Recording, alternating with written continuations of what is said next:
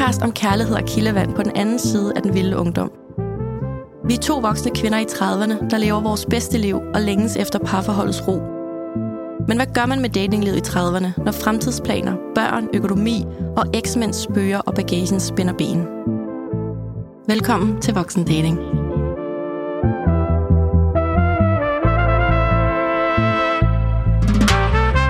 Hej Danika. Hej Claudia. Og hej Julia. Hej Louise. Hej. Hvor er det mega fedt at se jer. I lige måde. I det her afsnit, der skal vi snakke øh, dating, of course, men vi skal også snakke dating og tilknytningsmønstre. Fordi er der noget, Danika og jeg har siddet og prøvet at kloge os på de sidste mange afsnit, så er det tilknytningsmønstre. Og jeg bliver ved med at sige, jamen det er jo fordi, du er ængstligt tilknyttet.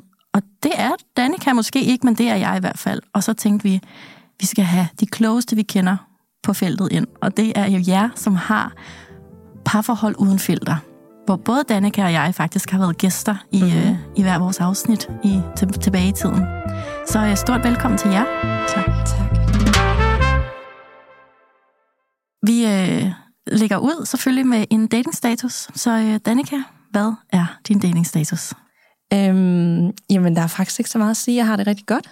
Ikke fordi, at jeg går og dater alle mulige og er aktiv, men bare fordi, at jeg har fokus på mig selv og mit eget liv og bruger min tiden virkelig brugbart på familie og børn og træning og arbejde. Og pludselig har jeg virkelig, virkelig, virkelig meget tid til alt det, jeg normalt mm. ikke har tid til, fordi og date er jo super drænende og tager så meget tid og er dyrt, og det, det er det bare.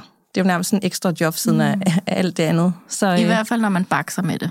Ja, ja, det er rigtigt. Det kan også være rigtig rart, og det har ja. det også været til tider. Men lige nu, der har jeg bare brug for at have fokus for mig selv, og jeg synes egentlig, jeg er et godt sted, hvor det ikke handler om at altså måske at søge lidt bekræftelse for andre og forplejede sit ego, som det nok også har været til tider. Og mm. jeg har da også været ude i byen, og mine venner har været sådan, nu går vi ind på din Snapchat og får slettet alle fra din fortid, for det er sådan noget, jeg har rigtig svært med. Ja, det så jeg godt på Instagram. Der røg lige nogle, mm. øh, ja, nogle fyre. Og det er fordi, de popper sådan lidt op i tid og utid, og det gavner mig ikke rigtigt, fordi det bliver aldrig rigtig noget seriøst. Så, så, kommer, så føler jeg lidt, at jeg skal starte forfra, når det popper op.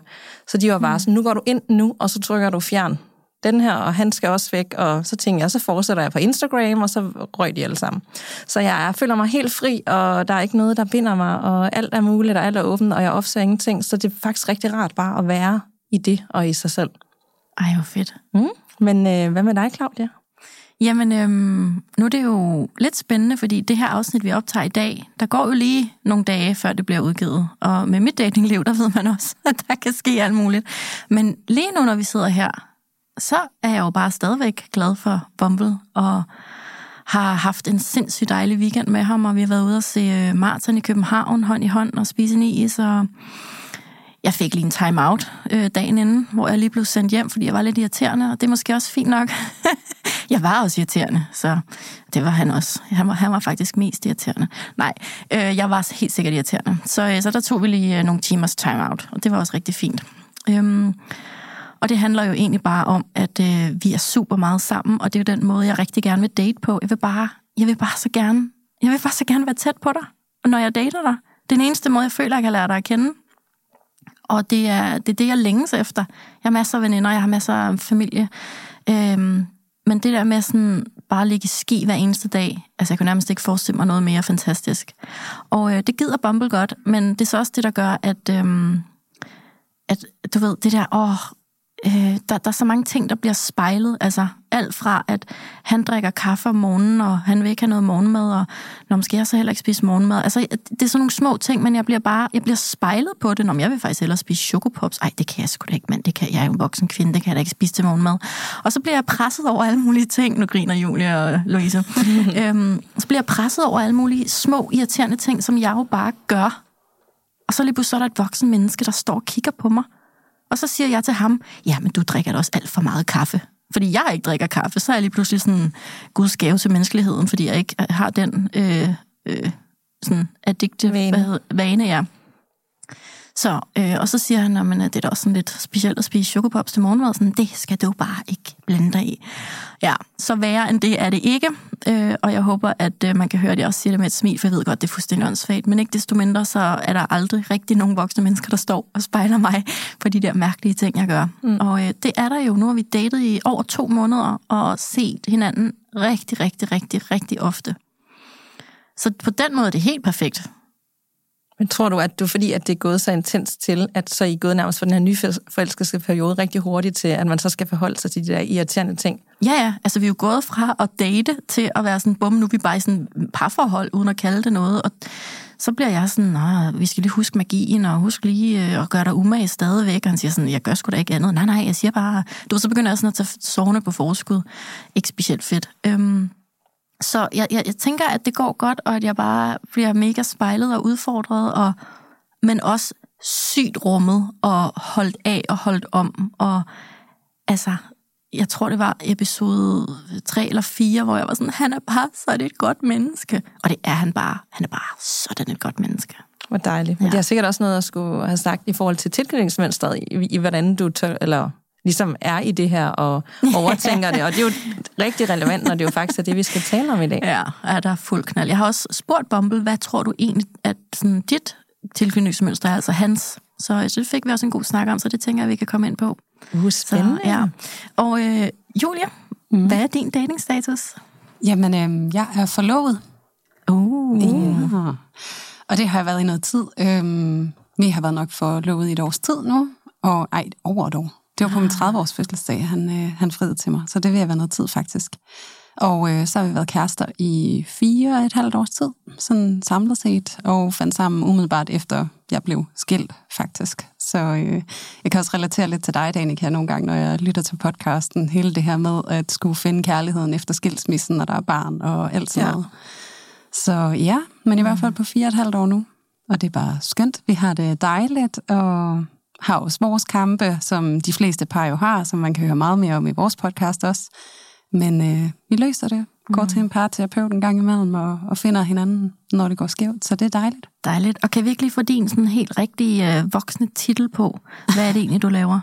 jo, det kan vi godt. Jeg er parterapeut og seksolog, og så er jeg også antropolog. Og øh, til dagligt så har jeg primært øh, terapi i min praksis i Aarhus hvor jeg både har parterapi og individuel terapi, og så underviser jeg også fra tid til anden, øh, blandt andet på VIA University, hvor jeg underviser, øh, hvad kan man sige, kommende seksualvejledere, så det er sådan lidt akademisk, øh, meget tørt, men øh, jeg synes jo, det er meget spændende. ja, og hvis man lige vil kæde dit ansigt sammen med stemmen, så har man også måske lige set dig i Alene Sammen, som øh, en af eksperterne. Det er rigtigt. Mm. Jeg har også øh, været ekspert i Alene Sammen sæson 3, der blev sendt her i vinters. Ja, dejligt. Sejt. Tak. Louise, hvad er din datingstatus? Jamen, min datingstatus er også, at jeg er i et parforhold, og vi har været kærester nu i syv år. Ej, det er altså nogle eksperter, vi har med. øhm, og, øh, og så har jeg lyst, fordi nu sagde du, Claudia, sådan, at selvom man er i et forhold, så, så dater man forhåbentlig også. Og det er vi lige begyndt på på en eller anden måde. Ja. ja. Vi har lige sat gang i sådan noget med ugentlige nærværsdates, hvor vi på skift beslutter, hvad vi har lyst til at lave for at skabe det her nærvær med hinanden, som Ej, nogle gange godt kan gå lidt tabt i hverdagen. Ja, og nu siger du hverdag. Jeg ved jo, I lige er kommet hjem fra en kody lang rejse. Ja, det er rigtigt, hvor vi havde en helt anderledes hverdag. Ja. ja, vi var jo lige ude at rejse i 10 måneder rundt omkring i Asien og dernede omkring. Øhm, og er lige kommet hjem til Danmark for ja, et par måneder siden, halvanden måneds tid siden, så vi var også lige ved at reetablere en hverdag her i Danmark på den måde, man er herhjemme, som er meget anderledes end den måde, vi har været derude. Så, så det har helt sikkert også budt på mange refleksioner og tanker og spørgsmål til, hvordan vi godt kunne tænke os, det hele skal se ud for os. Mm, spændende. Så I ja. starter med nærværsdates? Nærværsdates, simpelthen. det er så hyggeligt. Hvad, hvad laver man på en nærværsdate? Jamen, nu er vi lige begyndt, og øh, for at være sådan fuldstændig autentisk, så øh, har vi nok begge to været enormt hængt op med arbejde, så det var min kærestes øh, nærværsdag i sidste uge, hvor han ligesom skulle beslutte noget, og der var vi faktisk bare ude og hygge os og få lidt at spise en is. Og i går var det min nærværsdag, det vil sige mig, der bestemmer. Og øh, havde egentlig ikke lige fået taget mig ordentlig tid til at finde på noget rigtig godt. så vi tog ud og spise, og så tog vi hjem og så en film på en luftmadras på gulvet. Ej, ja. det er meget hyggeligt. Ja. Nå. Og din øh, ægte voksen titel? Ja, min voksen titel, det er selvværdscoach, så øh, hos mig kan man også komme og få sessioner og få hjælp til sit selvværd, til sine relationer, arbejde mm. med sit tilknytningsmønster ja. og alle de her ja. ting, der nogle gange kan være aktuelle for en. Ja, og ja. vi to har jo faktisk lavet en live mm. på Instagram om ja, emnet også. Så øh, man kan altid finde jer to og blive beriget. Både ja. på jeres private Instagram, mm. konti og på øh, parforhold uden filter underscore podcast. Ja. Uh, vi skal til dagens emne. Jeg har glædet mig ja. så meget, fordi at øh, vi, øh, vi famler lidt i blinde med de der tilknytningsmønstre og føler, så er vi det ene, så er vi det andet. Eller du gør ikke, men jeg gør lidt, og, og jeg vil så gerne vide, hvordan jeg kan bruge det fremadrettet, mm. så jeg ikke måske begår de samme fejl igen og igen, men faktisk er lidt bevidst om, det jeg måske har tendens til. Mm. Mm-hmm. Det er jo faktisk ret nyt for dig, ikke, Danika, overhovedet at tænke i tilknytningsmønstre. Jeg tror måske, det var over nogle shots på Generator, ja. at du og jeg havde snakken, og så var du sådan, gud, det skal jeg vide mere om. Ja, du ja. sagde bare til mig, du er ængstelig tilknyttet, ja. og så var jeg så frem med min telefon og sådan, ja. åh oh, nej, det lyder ikke godt. hvad er det der for noget? Ja, og apropos, hvad er det der for noget? Altså, kan vi ikke lige få the short, den, kan vi ikke lige få den korte introduktion til, hmm. hvor, hvorfor er det overhovedet et begreb? Jo, overordnet set kan man jo sige, at der sker nogle ting, når vi er børn, i forbindelse med vores omsorgspersoner, som rigtig ofte er vores forældre, og der får vi en tilknytning til vores omsorgspersoner, som enten kan bestå af at være trygt betonet eller utrygt betonet. Og øh, der ind i det utrygge, der er der så tre forskellige måder, som vi kan optræde som utrygt tilknyttet.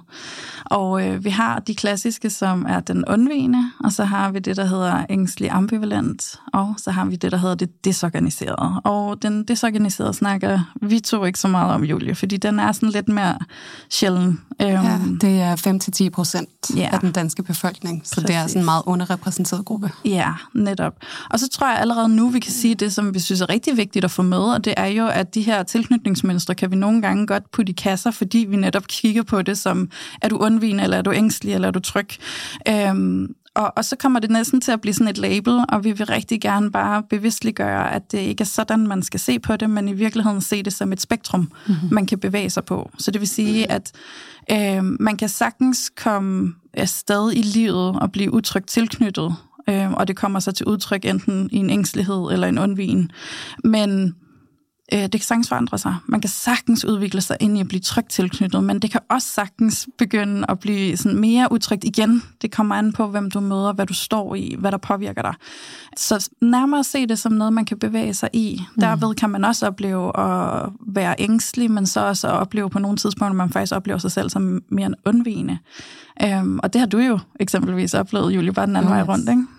Ja, det er det der med, at der sker noget i samspillet med vores partner, så alt efter hvor de ligger hen, så kan det aktivere øhm, forskellige grene af vores mønster, og vores mønster kan komme til udtryk på forskellige måder. Mm. Hvor at jeg eksempelvis i mit ægteskab var sammen med en, der var mere ængstelig, så bliver jeg øh, mere undvigende, hvor at nu så er jeg sammen med en, der er mere undvigende, end jeg selv er, og så bliver jeg lige pludselig ikke ængstelig, men det vi kalder ind i parterapeutisk forstand opsøgende. Vi ser oftest i parforhold, at der er en opsøgende part eller, og en undvigende part, og nogle gange så er det også undvigende, undvigende eller opsøgende, opsøgende. Og så kommer det så til udtryk i forskellige interaktionsmønstre i parforholdet. Øhm, og jeg tror, det er egentlig bare lige vil knytte til det, inden vi går videre. Det er, når vi snakker tilknytning, så er det sådan, man skal også se på, at vores tilknytningsmønster bliver etableret i det første leveår, og så bliver det segmenteret i de første syv leveår.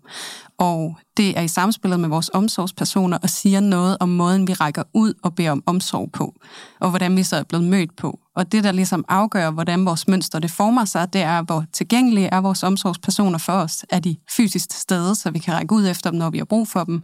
Eller de fraværende sidder far altid og læser sin avis, eller han er altid på arbejde? Eller er mor måske mere optaget af sine egne indre øh, tilstande end af mine, og derfor er hun utilgængelig for mig? kan være det her med tilgængelighed. Og så hvis at omsorgspersonen er tilgængelig, så kigger vi på, hvor responsiv er de. Så når jeg rækker ud med min kalden, hvis vi ser det lille barn, for eksempel små børn, de rækker armene ud efter mor og far græder. Altså det er deres tilknytningssystem, der er aktiveret. Så det er kald på omsorg. Så er mor og far der til at se, rækker ud, responderer de på, at jeg gør det? Altså det næste, vi kigger på. Vender de sig mod os og registrerer vores rækken ud? Og det tredje, vi så kigger på i forhold til tilknytning, det er, hvor engageret er de med os, når vi gør det? Sætter de sig ned og siger, åh, oh, du er ked af det. Var, nu skal jeg lige vise dig, at det er helt trygt, og der sker ikke noget. Eller siger de, lad nu være med at græde. Ej, kom nu, op på hesten igen, det er ikke så vigtigt. Eller bliver vores forældre måske påvirket af vores rækken ud? Og jeg bliver så ked af det, eller frustreret, når du rækker ud, og jeg ved ikke, hvad jeg skal stille op. Og det er så de her reaktioner, vores omsorgspersoner har, der bliver afgørende for, hvordan vores tilknytningsmønster ligesom udformer sig og det er egentlig bare sådan for at sætte en ramme også for alle jer, der lytter derude i forhold til, hvad er jeg?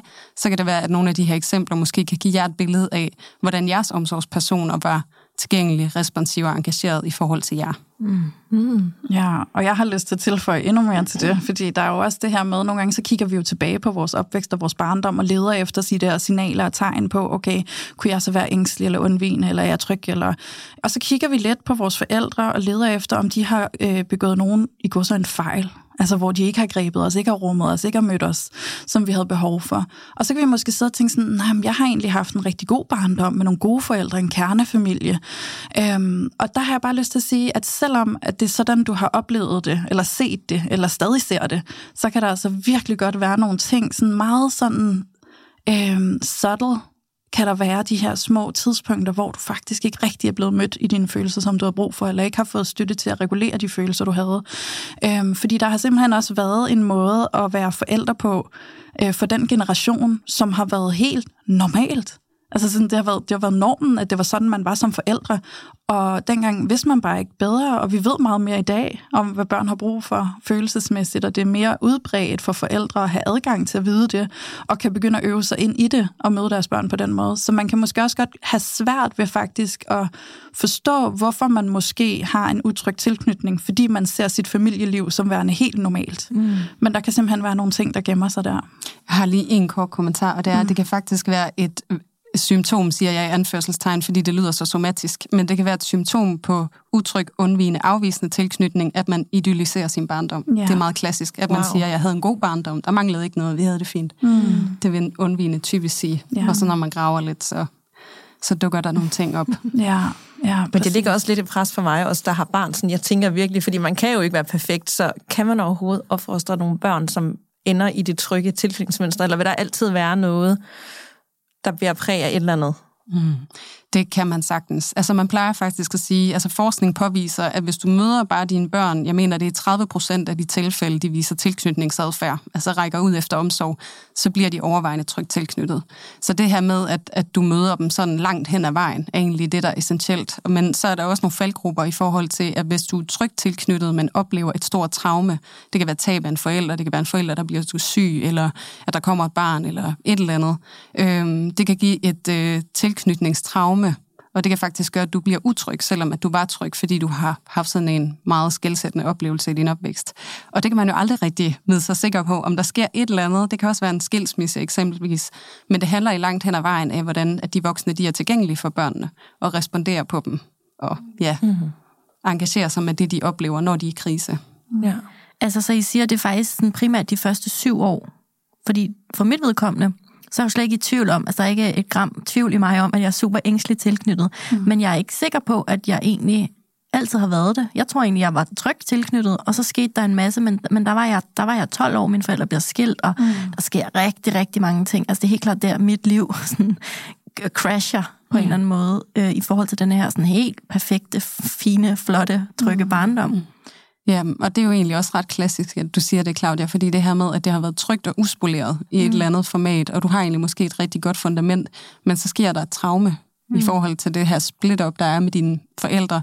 Og noget af det, der også karakteriserer det ængstlige i særdeleshed, det er det her med, at man har frygt for tab. Altså man har frygt for at miste, mm. fordi man lige har været i den her boble, og det har været så trygt, og så lige pludselig så forsvinder det det kan godt mm. lave den her ængstlige, altså sådan man er, og det kan også nogle gange, nu sagde du det her i starten med dig er bombet, og det her med at lægge sammen og bare være sammen hele tiden, det er jo også fordi, der er du forsikret om, jeg mister dig ikke, jeg har dig helt tæt på, så så snart der opstår en afstand, så vil dit tilknytningssystem begynde at lave, lave larm og sige, jeg, jeg har brug for at mærke, at du stadigvæk er her, og du ikke forsvinder fra mig.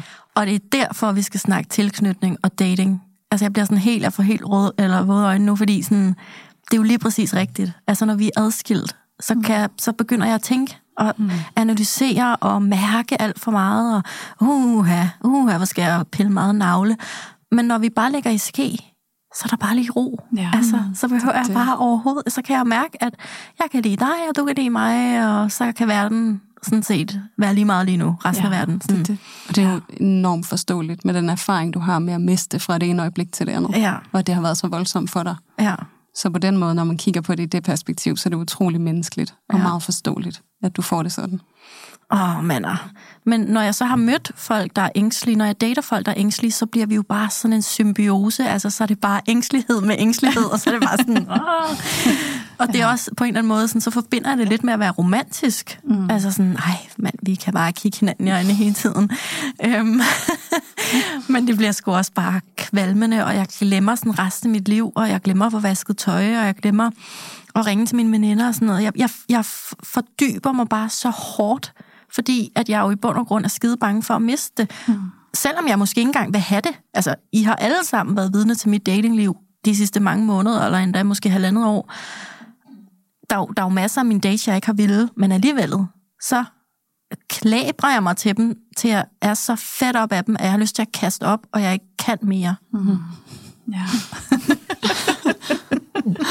og hvor er det fint, og var det dejligt, du bare deler så åbent om det.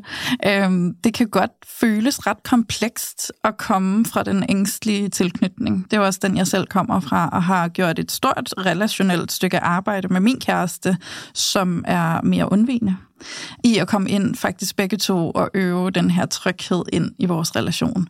Øhm, vores start på vores parforhold var super kaotisk, øhm, og det som man tit kan opleve, hvis man er dominerende over i det ængstlige, det er, at der er den her push-pull-energi. Det vil sige, der er den her sådan, forvirring i, sådan, nu går jeg frem, men så trækker jeg mig tilbage, og så går jeg alligevel frem og trækker mig lidt tilbage. Og, sådan. og som du siger, det der med, jeg klæber mig, selvom jeg måske egentlig ikke selv er super interesseret i dig, så bliver jeg her alligevel og hæfter mig på dig. Øhm, fordi der kan også ske en genkendelse ind i det der med at give slip kan være lige så ubehageligt. Nu giver jeg slip i noget, øhm, kan også være en spejling af at blive øh, øh sådan reddet væk, eller sådan taget ud af noget, så nu bliver det sådan et, et genkald ind i oplevelsen af, at jeg mister over også noget, selvom det er mig, der giver slip i det. Øhm, og der kan også være den side af det, at i det øjeblik, at jeg ligesom siger nej tak til det her, så kan det jo faktisk være, at jeg samtidig skal erkende, at du måske heller ikke var fuldstændig into me. Og det kan jeg begynde at tolke som værende, at der er noget galt med mig. Mm. Øhm, så der kan være så mange interessante, komplekse lag til hele den der oplevelse af at stå og være så forvirret i tingene, og det bliver så komplekst at finde rundt i, mm. og vi mm. bliver så... Jeg har lyst til at sige, at så kan jeg føle, at jeg bliver kugleskør til sidst. Ikke? Altså bare sådan, jeg ved ikke, hvad der foregår, og jeg føler mig bare som sådan en crazy person, øhm, og jeg kan godt forstå, hvis du synes, jeg er lidt skør. Altså sådan, hold nu op i starten af mig og min kærestes forhold. Altså han var virkelig sådan, jeg aner ikke, hvor jeg har dig hen, og den ene dag vil du, og den anden dag vil du ikke. Og altså, du, altså, så sidder vi her og har en frokost, og alt er fredeligt og hyggeligt, og så lige pludselig, så skal du bare have drama på bordet, fordi, hvad, nu står det for stille, eller hvad, ikke? Altså, nu er det for godt.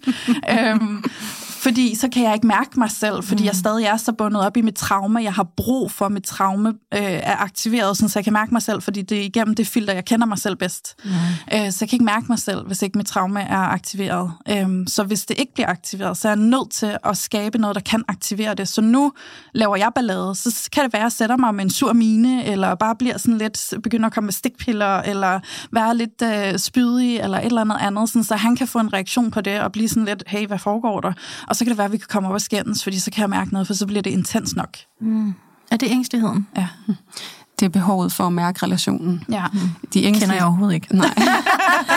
altså man kan sige, at det ængstlige er jo langt hen ad vejen kendetegnet ved, at de bliver utrygge i den der, altså når der bare er helt roligt. Ja. Fordi så kan jeg ikke mærke relationen. Mm. Jeg, jeg kan mærke den, når der er noget i gang. Så, så de vil gerne sætte noget i gang. Og jeg synes jo, det der med at gå væk, det er jo et rigtig godt eksempel, for der kan vi se forskellen på det ængstlige og det undvigende ret tydeligt, hvor når den ængstlige går væk, så er det inde i dem er der sådan noget, følg efter mig, ja. følg efter mig, du skal mm. ikke lade mig gå. Hvor den undvigende sådan, du følger bare ikke efter mig, du lader mig fucking være. Sådan, du ja. skal overhovedet ikke ja. tænke på at gå efter mig lige nu. Jeg skal have lov til at være i fred, og så skal jeg selv vende tilbage, hvis jeg overhovedet gider. Mm. Jeg har bare fået sådan en åbenbaring herover, fordi det bare det der med ængstelig og ikke være ængstelig.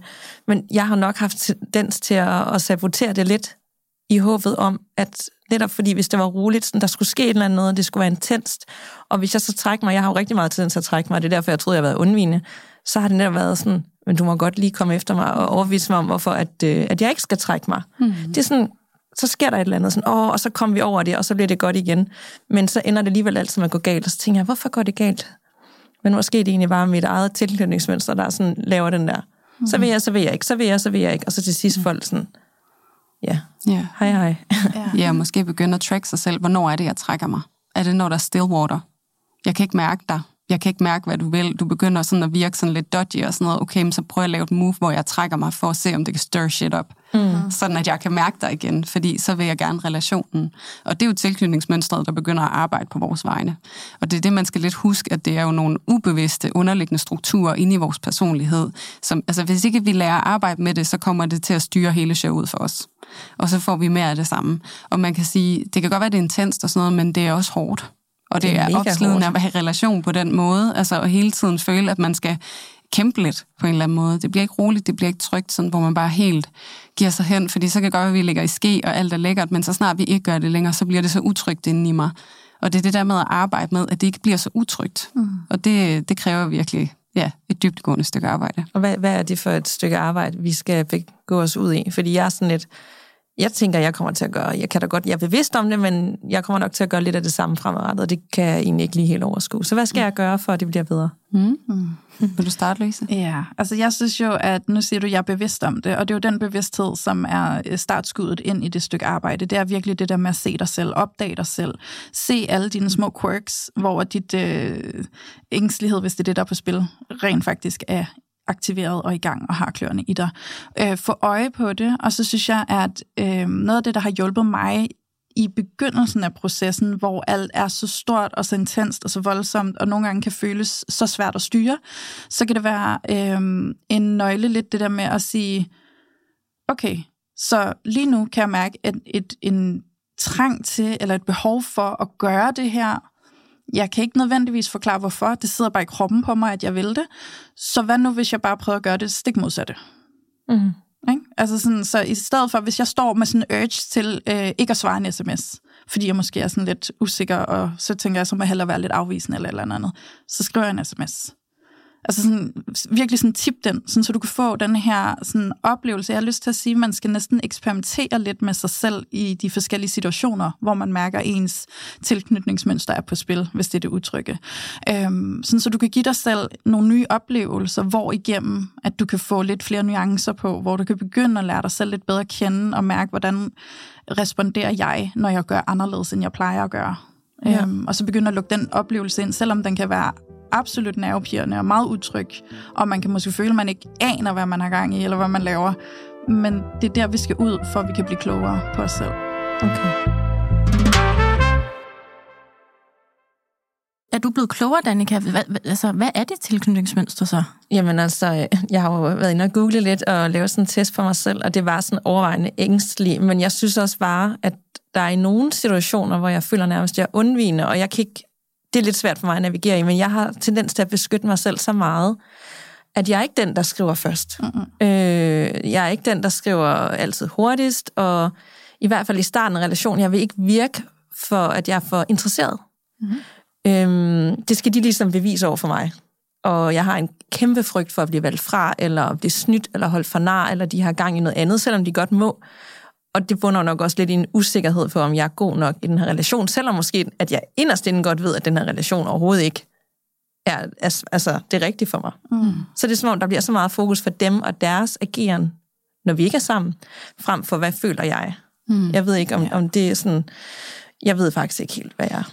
Jeg tror godt, man kan sige i store træk, at den ængstlige er måske mere fokuseret udad til, øhm, om Øh, hvad tænker du om mig? Hvad føler du om mig? Fordi så kan jeg placere mig ud fra det. Hvor jeg tror, at den undvigende i højere grad, øh, det kan du berette om, Julie, har mere fokus på, hvordan kan jeg øh, bevare mig selv i min beskyttede voldgrav. Mm. Ja, altså man siger jo, at det, der ligesom er forskellen på det ængstlige og det undvigende, det er, at den ængstlige vil hellere give slip på sig selv, end på relationen. Og hvor den undvigende vil hellere give slip på relationen, end sig selv. Så er den ængstelig. Ja. ja. Så er jeg også en ængstelig. Ja, og det er måske også det der med netop, at man, og så, så kan man jo tit sige, at jeg var nødt til at gå ud af det, fordi jeg var, kunne ikke kende mig selv længere, eller jeg havde helt mistet mig selv. Og man kan sige, at det er ikke altid arbejdet at gå ud af en relation, det er at gå ind i relationen til sig selv. Og det er jo lidt det, jeg voucher for, og det er også det, jeg arbejder med. At, jeg tror, langt hen ad vejen, så kan bevidsthed få os rigtig langt, men jeg er også sådan lidt, lidt modstander af, at man altid taler i bevidsthed, for jeg synes, det er meget kognitivt, og det vi også skal forstå, når vi snakker om tilknytning, det er, at det er emotionelt. Øhm, det er emotioner, det er følelser, og de lever deres eget liv, og det er også derfor, at selv de mest intelligente mennesker nogle gange står, hvorfor fanden gør jeg det her? Mm. Det er jo fuldstændig åndssvagt. Jeg ved jo godt, hvad det er, der sker. Jamen, det er fordi, at du tror, at du kan bearbejde dit tilknytningsmønster kognitivt. Og det kan du langt hen ad vejen. Du kan bruge det kognitivt til rigtig meget. Du kan skabe en forståelsesramme. Men du skal ned og arbejde med det emotionelt. Og så skal du få dig selv nogle nye erfaringer. Så du skal lave nogle korrektive erfaringer emotionelt med andre mennesker. Hvor, at, som du også siger, Louise, hvis du nu, i stedet for ikke at skrive den sms, og lave det der push-pull-spil, der gør, at du kan mærke relationen og føle dig sikker igen, fordi nu er der noget aktivitet på den anden side, at du så i stedet for netop prøve at skrive en sms, og så al den uro, det kan lave på indersiden, slut fred med det. Mm-hmm. Altså prøv at finde ro med det, og have tilliden til, jeg går ikke i stykker. Jeg går ikke i stykker. Ja. Jeg er helt okay. Det skal nok gå. Og den utryghed, jeg mærker lige nu, den hører ikke til her. Den bor ikke her. Den bliver bare aktiveret her. Og så er det jo det her stykke arbejde med faktisk egentlig at gå tilbage og hele de her tidlige tilknytningserfaringer. Og så lige prøve at spørge dig selv, den følelse, jeg mærker inde i min krop lige nu. Og hvis du har brug for at komme i kontakt med det, så prøv at spørge dig selv, hvor mærker jeg det henne? Jeg kan mærke, at det trykker i mit bryst, eller jeg får totalt ondt i maven, og den vender sig og føles så ubehageligt. Prøv bare lige at give dig selv lov til at sidde lidt med det. Og så prøv lige at mærke, hvis jeg lige prøver at tænke mig om, og lige dykke ned, hvad kommer jeg i kontakt med lige her? Mm. Og så vil du ofte komme i kontakt med noget, der ligger overhovedet ikke lige nu foran dig, men noget, der ligger langt tilbage. Den her følelse, den kender jeg. Mm. Den har jeg haft hele mit liv. Hvornår er det, jeg har mødt den? Okay, hvad er det lige for en version af mig selv, jeg lige skal møde ja. her? Og ja. vise noget omsorg. Så det her med, at man i høj grad ligesom prøver at give sig selv lov til at mærke den utryghed, gå ind i det, vise noget omsorg, noget medfølelse, så den kan få lov til at falde i ro igen. Mm-hmm. Og, og det er det der med at gøre det der aktive arbejde, fordi mange af os kan komme til at sige sådan, Nå, partner, du ved jo, at jeg fungerer på den her måde, og hvis ikke du sender de her sms'er, så får jeg det altså dårligt, så du skal sende sms'er, hvis du skal date en som mig. Og så udliciterer man ansvaret for mm. sin egen udvikling. Og det er desværre noget, jeg også rigtig mange kommer til, fordi vi er så forhippet på at undgå at mærke det ubehag, at vi kommer til at uddelegere ansvaret for os selv til den, vi dater, eller den, vi er kærester med. Og det er den sikre opskrift på at ødelægge en relation. Fordi det er ikke meningen. Den, det relation, den skal, det er den nemlig, den skal spejle os i alle de steder, hvor vi mangler at give os selv noget omsorg og slutte fred med nogle ting. Så, så hvis vi bruger det på den måde og siger, okay, du er mit bedste spejl til, at jeg kan mærke, hvor jeg ikke er helt endnu. Og jeg skal ikke give dig ansvaret for, at jeg ikke skal mærke det. Men jeg skal embrace det, når at du viser mig, hvor at jeg har brug for at hele noget i mig selv. Virkelig spændende. Må jeg lige sige noget? At det, kan man i en datingrelation, når man ikke er kærester endnu, hvor åben skal man være omkring de ting? Nu, man, jeg er med på, at man ikke skal give ansvaret til den anden part, men er det en god idé at sige sådan, hmm. jeg føler mig øh, faktisk lidt utryg i, øh, det har jeg tendens til, og det er jeg fuldt bevidst om. Altså, skal man være åben omkring det, eller skal man bare holde det for sig selv, eller hvad, hvad er en god idé? Jeg tror, at noget af det bedste, du kan gøre, det er det her med netop at gå ansvarsfuldt ind i relationen, og så også afsløre sig selv lidt. Og så sige, hvad er det, jeg gør lige der, hvor at jeg rækker ud efter kontakt? Hvad er det for en måde, jeg gør det på? Okay, når jeg bliver utryg, så ved jeg om mig selv, at jeg godt kan blive lidt kritisk, eller lidt krævende, eller insisterende, og det er vigtigt for mig, at du ved, det er noget, jeg arbejder med. For jeg kan kun begynde at forestille mig, hvor svært det må være at stå over for det. Så jeg siger lige til dig, det er noget, jeg arbejder med. Jeg vil ikke love dig, at jeg ikke bliver aktiveret og kommer til at gøre det, men det betyder noget for mig, at du forstår, at det her det er noget, jeg arbejder med. Så det der med at sige, I'm working on it, og så sådan sige, jeg har det, jeg har ansvaret for det, jeg tager ansvaret for det. Du skal ikke, når du oplever mig på den her måde, så det er ikke fordi, at du skal begynde at gå i panik omkring, at du skal rette ind efter mig, eller at du er forkert. Men det der med, at vi tager ansvar for det. Det gjorde jeg jo med Bumble. Mm. Sejt. Mm. Ja, Hvordan gjorde du det? Jamen, jeg sagde jo, altså jeg ved godt, at jeg øh, viser dig, når vi er sammen, at jeg ved dig helt vildt meget, og så bliver jeg helt vildt underlig, når vi ikke er sammen. Mm. Og så siger jeg, nu har jeg lige brug for en fri aften. Og så lægger jeg alligevel sms'er til dig. Jeg savner dig. Savner du også mig? Og så siger han, ja, jeg savner også dig. Klar, om det var dig, der sagde, du ville have en fri aften. Mm. Nå, okay, hvad, hvad laver du? Og sådan, så, så var jeg jo nødt til at sige til ham, det er simpelthen fordi, at øh, har du hørt om tilknytningsmønstre, og jeg er øh, altså bare sådan super ængstelig tilknyttet, og øh, ja, ved du egentlig, hvad du er? Og så fik vi en snak om det, og altså, vi kom frem til, at han er overvejende trygt tilknyttet, øh, mm. og kommer jo fra en kernefamilie, og kernefamilien eksisterer endnu. Og, mm. øhm, jeg ved godt, man godt kan have andre tilknytningsmønstre, men, men øh, selvom at man er vokset op i den der udefra perfekte familie, men, men det er vildt, vildt interessant at se, at han kan godt lide både at lægge ski med mig, men han kan også godt være hver for sig, og han freaker ikke ud, og går ikke i panik, og det er jo ellers mig, der er gået fra ham efter meget kort tids dating, og sådan, det kan ikke det her, I'm out. Og så kommer jeg alligevel lidt tilbage, efter at der lå en sød besked fra ham, og sådan noget, ikke sådan, ja, så, så jeg havde jo bare snakket med ham, men jeg er jo også bare, jeg er en freaking åben bog. Altså, jeg har jo ingen skam i livet, hvad det angår. Øhm, kan, man, kan man måske sige, at Danika, du, du har sådan de der ængstlige tendenser, men jeg synes jo også fra mit synspunkt, der har du jo også de der afvigende tendenser. Så, så du, du vil jo gerne være tæt og intens. Det har du lige været med, med din sidste date, Jokeren. Men, men du har jo også de der afvigende, sådan, ej, jeg skriver ikke til ham, eller sådan med Danske Bank, nu, nu, nu lægger jeg ham lige på is, og kommer til at sende sådan lidt sur kærestebesked, sådan, jeg skal bare lige fortælle dig, at bla bla bla, ikke? det kan man høre i de afsnit der. Øhm, så, så kan man ikke kan man sige, at, at mit er sådan 100% ængstelig-agtig, og, og Danika er mere sådan øh, lidt switching. Jeg vil sige det sådan her, nu, jeg nævner bare lige, det hedder undvigende. Ja, hvad kalder jeg det? Nå, ja. Oh, ja. Super. Det var bare, fordi jeg ved, I er meget opmærksom ja. på det her, men ja. hvad hedder det egentlig? Præcis. Fordi jeg har googlet så meget på det. Men øhm, Altså igen vil jeg vende tilbage til det her med at kigge på det som et spektrum, som vi bevæger os på. Øhm, hvor man kan sige, det kan godt være, at du er sådan enormt over i den ene øh, afdeling, eller øh, ende af, den her, af det her spektrum, hvor at ængsteligheden virkelig bare er det, du ser og mærker øh, 100 procent. Hvor at man kan jo sagtens bevæge sig. Der kan være tidspunkter, hvor du måske oplever mere ængstelighed, og andre tidspunkter, hvor du træder lidt mere over øh, i at være undvigende. Men som ængstelig, og det kan jeg i hvert fald selv skrive under på, så meget af det, du forklarer, hvor du trækker dig. Det handler jo om... Altså Danica. Ja, Danika. Ja, det der jeg og kigger på, det kan I lytter jo ikke se. men, øh, men det kan jeg sagtens spejle og genkende inden fra det ængstlige, fordi det handler jo rigtig meget om, hvorfor trækker du dig, og hvad sker der på din inderside, mens du trækker dig. Øh, handler det netop om, som Julie siger, lige nu har jeg brug for at beskytte mig selv, bevare mig selv, og så må jeg ofre relationen? Eller er det mere denne her, sådan, jeg er så hunderad for at blive svigtet, eller skuffet, eller ikke føle mig tilvalgt eller god nok, så nu beskytter jeg mig selv ved at sidde øh, herover og trække mig. Øh, fordi jeg kan simpelthen ikke stå derinde med den risiko. Det er for sårbart for mig. Mm. Øh, sådan kan det også godt se ud, mens man er ængstelig. Ja. Øhm, så, så jeg har mange, altså virkelig mange historier fra min øh, ængstlige, øh, mine ængstlige oplevelser, hvor jeg også har gjort det, hvor jeg har trukket mig og ja. givet afstand og alle de her ting. Ikke? Øhm.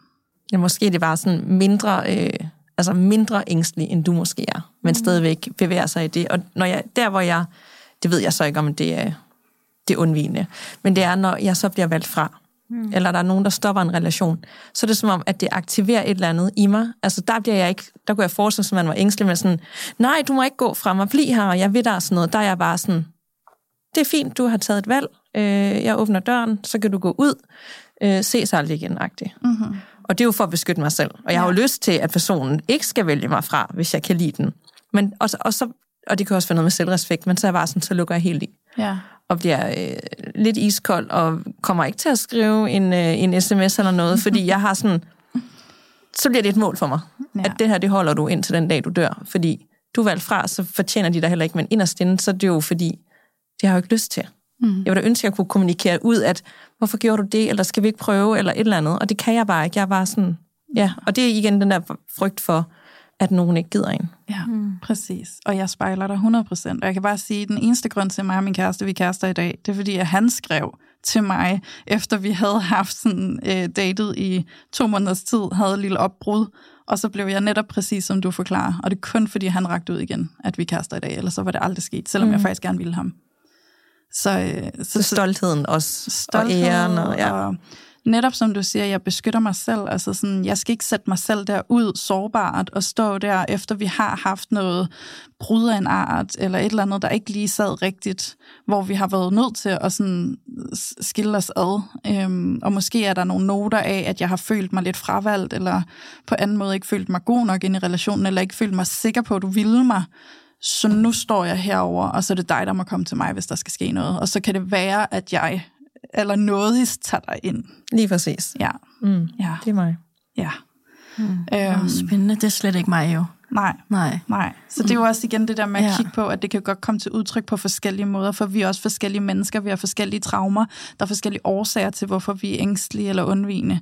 Øhm, så der er mange nuancer, der også er værd at tage højde for, og kigge ind i, og lære sig selv enormt meget at kende i det, mere end at vi bare putter det i kasser og kigger på det som en teori, men virkelig sådan oplever os selv igennem det, øhm, og bliver klog på det på den måde. Ikke? Og jeg har lyst til at tilføje til det, du sagde, Julie, før, med det her med at, øh, at gå ind og arbejde med det emotionelle, når vi står i de her reaktioner. Og det er jo også øh, fordi, at hvis vi er utrygt tilknyttet, så har der jo ikke været de omsorgspersoner eller forældre, som vi havde brug for, som kunne hjælpe os med at følelsesregulere. Vi har stået med et hav af følelser, nogle intense følelser, og der har været nogle voksne, der simpelthen ikke kunne spejle os, eller decideret har afvist os i det, eller udskammet os for at have dem, eller lukket os ned og sagt, nu må du tage dig sammen, eller du skal ikke stå her og vræle mig, og vi har gæster, det kan du simpelthen ikke være bekendt, og gå ind på værelset, hvis du skal være sur, øh, så kan du komme ud, når du er glad igen. Det her med at blive isoleret som lille barn i sine egne følelser, der er så store, at vi ikke kan være i dem. Øhm, og der var ikke nogen voksne, der kunne vise os vejen, og kunne vise os, hvordan vi skulle være okay i de følelser. Så nu sidder vi der inde i et meget emotionelt mørkt rum helt alene. Øhm, og så går vi ud i livet og lever på den måde, med oplevelsen af, jeg kan være her, når jeg er glad, øh, når jeg er kærlig, når jeg er høflig, men hvis jeg er ked af det, eller sur, eller vred, eller på anden måde, et eller andet, øh, der ikke er glad og roligt, så skal jeg lige passe på, for så kan det godt være, at folk faktisk ikke kan rumme mig eller tage mig ind. Og det må jeg jo så selv være med. Og så finder vi jo alle mulige strategier, hvorpå vi har en uhensigtsmæssig adfærd rundt om det. Øhm, så når vi begynder at date, og vores øh, tilknytningsmønster kommer op til overfladen og bliver aktiveret, så er det jo også at kigge på, at vi vender os mod den, vi dater, eller den partner, vi er blevet kærester med. Og så søger vi jo lige pludselig, at de kan regulere alle de følelser. Så det er jo det der med, at nogle gange vi kommer derud, hvor sådan, hov, så kan du måske agere den der voksne, jeg kan læne mig ind i, som ikke var der, da jeg var lille. Og så kan det være, at du kan gøre det nemmere for mig. Så kan det være, at du kan regulere mine følelser for mig. Og det er derfor, vores adfærd bliver, som den bliver over for dem, som ikke altid er hensigtsmæssigt. Så det handler virkelig om at komme ind og lære den her følelsesregulering selv. Hmm. Vi sidder bare tre kvinder og nikker. Ja. Ja. ja, man må ikke udlicitere ansvaret for sine følelser. Nej. Nej. Men, fordi vi leder jo efter en mand og en date, ikke? Altså ikke en forældre. Mm. Men det kommer mange af os faktisk til helt ubevidst. Ja. Du skal altid Oh my God. elske mig. Du skal synes, jeg er helt ja. fantastisk. Mm. Men det er jo ikke nogen, der synes. Altså, det- og det ved måske du og jeg, Danika, selv med vores egen børn, ikke? Altså, som vi jo knus elsker og sådan noget. Men altså, vi kan da også opleve på indersiden sådan, puha, jeg synes, du er svær at rumme lige nu. Ja. Altså, om, at vi forventer også at stå med, med en kæreste, der bare skal kunne rumme os og være det hele, og vi ikke engang kan være det over for vores egen børn. Det er faktisk stort krav at stille. Mm. Men rigtig mange af os kommer til at gøre det ubevidst. Altså, du skal virkelig elske mig ubetinget. Jeg tror jo ikke på ubetinget kærlighed, det findes ikke. Heller ikke til vores børn. Fordi vi er så styret af alt det, vi har lært hjemmefra. Der er så mange følelser, vi ikke kan rumme og tolerere. Så derfor så bliver det så svært, når vi står i en dating-scenarie og skal finde den perfekte there is no such thing. Mm. Og så skal vi altså også lige huske, at den partner, vi står overfor, uanset om det er en date eller en kæreste, de har jo altså også et indre liv. Det er jo ikke kun os, der har det. Nej. Ja. Og det er jo faktisk det, vi- det, I startede med at sige, det der med, at jeg kan være helt sikker på, at jeg er ængstelig. Men så møder jeg for eksempel Bumble, som jo kunne være alt muligt andet end ængstelig, og nu er han så overvejende, tænker jeg, trygt mm-hmm. tilknyttet. Men hvis han nu var undvigende, ikke afvigende, undvigende, så, er der cirkus. altså, så, så, så, så er det bare et nyt form for cirkus, der starter, ikke? Jo, det er. Øhm, så, ja. Ja, så den der sådan dans eller dynamik der, det er jo, ja. huh, jeg synes, det er så spændende. Det er det. Apropos det, nu hvis jeg er overvejende ængstelig, har jeg, at, fordi jeg føler, at jeg primært har tiltrukket eller fundet øh, afvigende, nej, undvigende, undvigende mænd.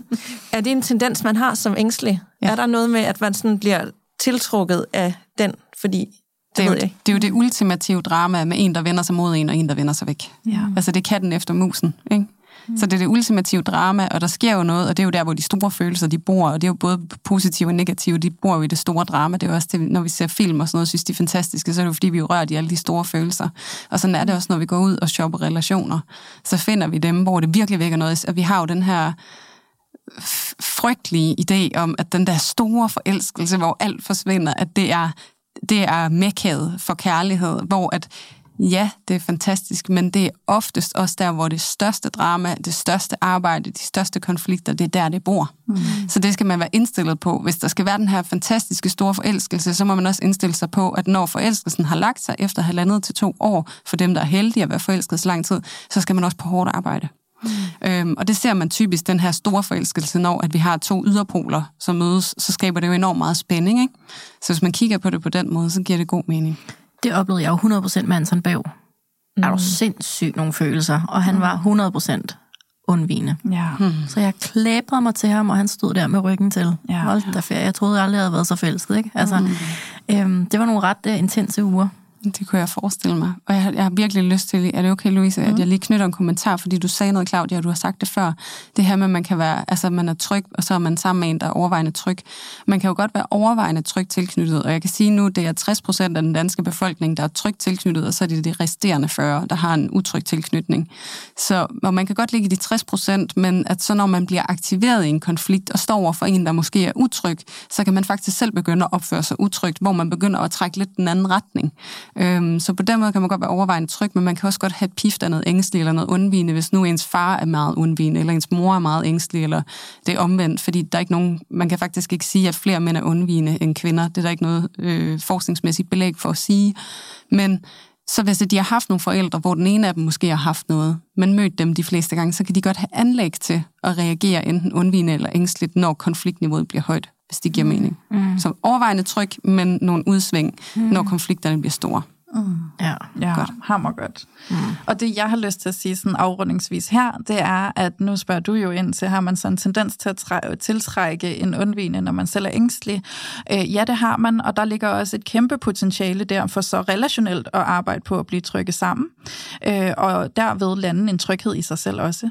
Øh, og det, jeg har lyst til at sige som sådan en lille kramelyre her til slut, det er jo, at tit, når vi er utrygt tilknyttet, hvis vi møder en, der er trygt tilknyttet, så kan det føles kedeligt.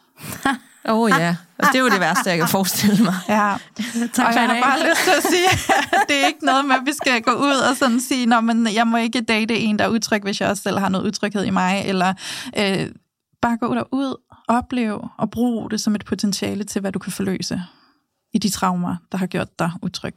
Mm. Mm. Wow. Okay. Ja. Wow. Så hvis jeg skal prøve at opsummere det der med, man kan være utryg, og tryg. Uh-huh. Tryg, den, den står bare herover, det er 60 procent. Mm. Og så er der den utrygge herover, som så er de sidste 40 procent af befolkningen, sådan mm-hmm. ish. Og derinde, der er tre grupper. Mm-hmm. Ængsle, undvigende, og den sidste, som vi ikke snakker så meget om, det er ja. desorganiseret. Ja. Det, det, øh, så vi var i de 40 procent. Ja, nu skal ja. vi aldrig mere kalde det afvigende. Nej, det skal vi i hvert fald ikke. bare sige undvigende for evigt. Ja. ja. Nå, wow. Altså, jeg synes, øh, jeg synes, at det giver mening, hvorfor vi skal snakke tilknytningsmønstre i dating. Fordi vi snakker jo også, altså jeg snakker i hvert fald kærlighedssprog, og mm. altså, er du A- eller B-menneske, eller altså sådan, vi snakker jo alle mulige kasser. Ja, lige præcis, og det er jo sådan, Stjernetegn, oh my god, må man, det må man jo godt spørge om nu, det måtte man jo ikke for 10 år siden, mm. så var man altså, jeg, kan, jeg kan lige knytte til det, at rent forskningsmæssigt, så også noget af det, vi har forsket i allerlængst tid, det er faktisk tilknytningsmønstre.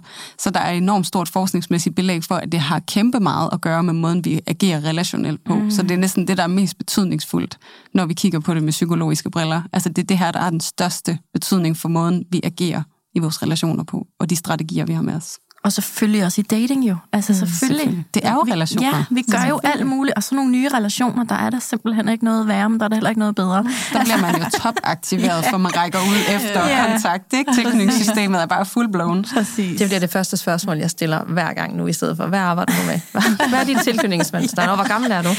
ja.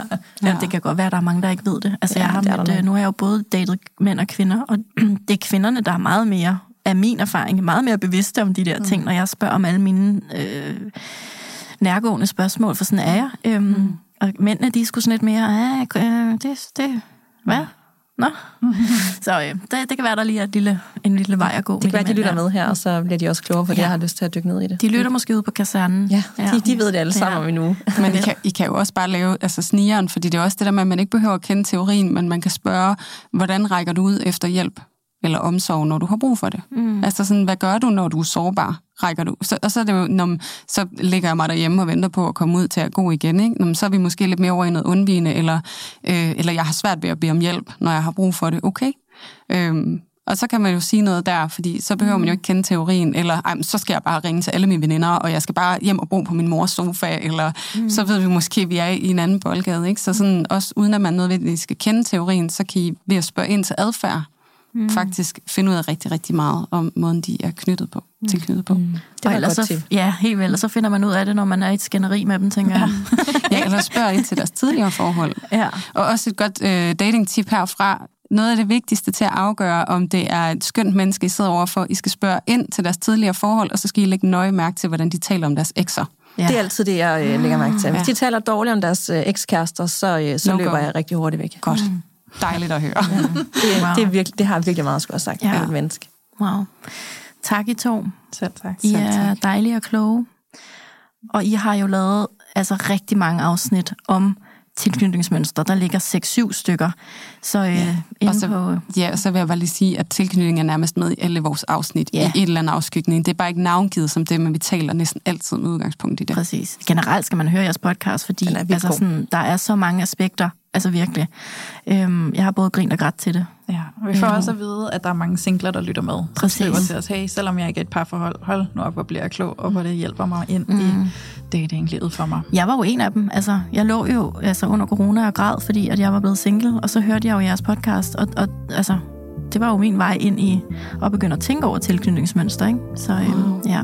så vi linker mm. til jer, og øh, ja, så vil jeg bare sige tak for i dag. Tak for i dag. Tak for i dag.